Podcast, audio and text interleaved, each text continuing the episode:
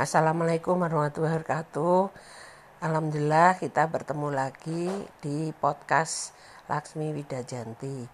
Hari ini puasa ke insya Allah 29, puasa Ramadan ke-29 dan e, berapa hari lagi kita akan merayakan kemenangan bersama menyambut Idul Fitri 1441 Hijriah.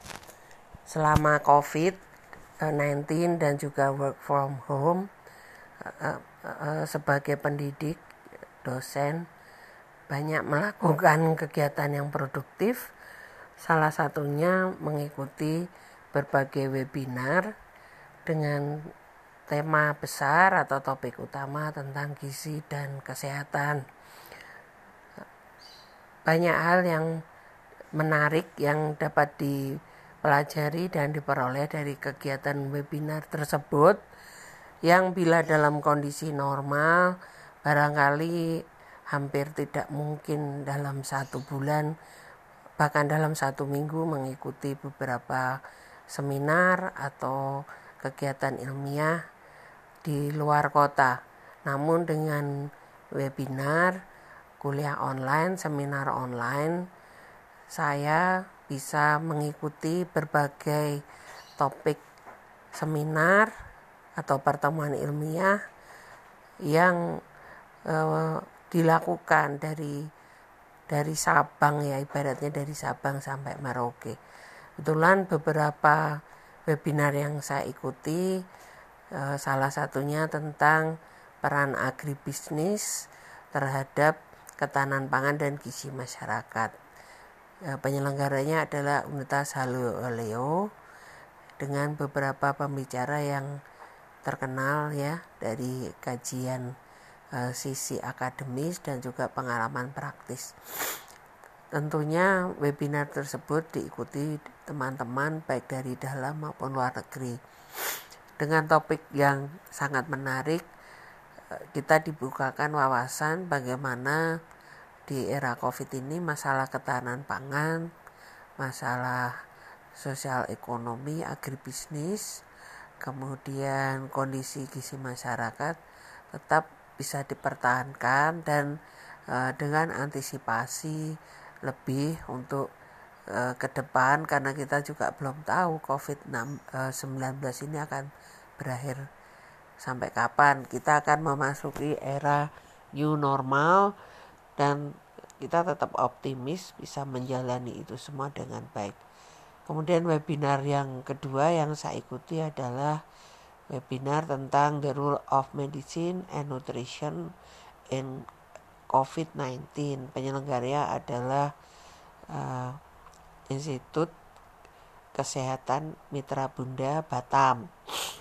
Nah, dari sini juga saya belajar tentang Eh, bagaimana peran farmasi, kemudian juga gizi dalam konteks COVID-19.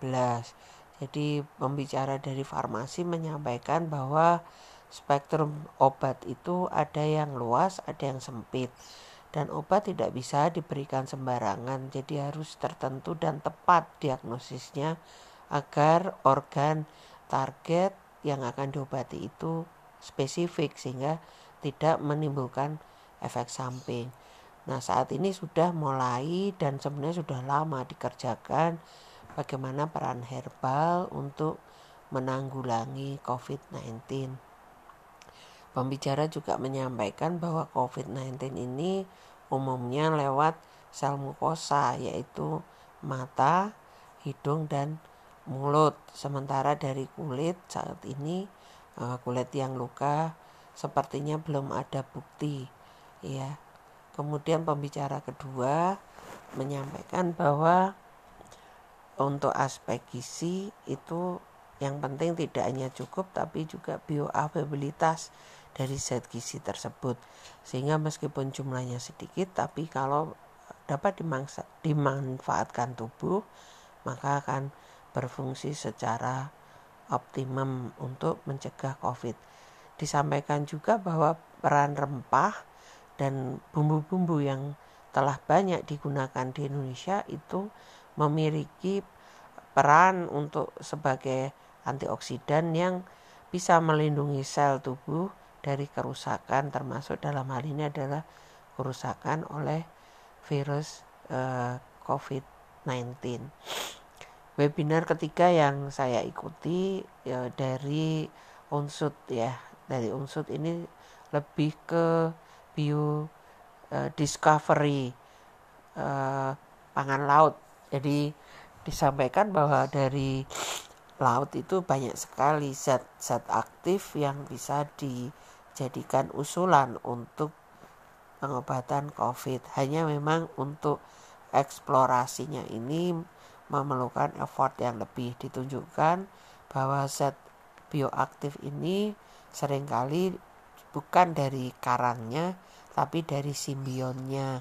Nah, untuk mendapatkan eh, ada yang satu gram, ada yang 0,1 gram, jadi jumlah yang sangat sedikit ini dibutuhkan eh, eksplorasi dan pengumpulan bahan sampai satu ton. Jadi itu memang masih belum efisien. Nah, mungkin ke depan akan ditemukan teknik-teknik dan teknologi yang lebih baik, yang lebih cepat.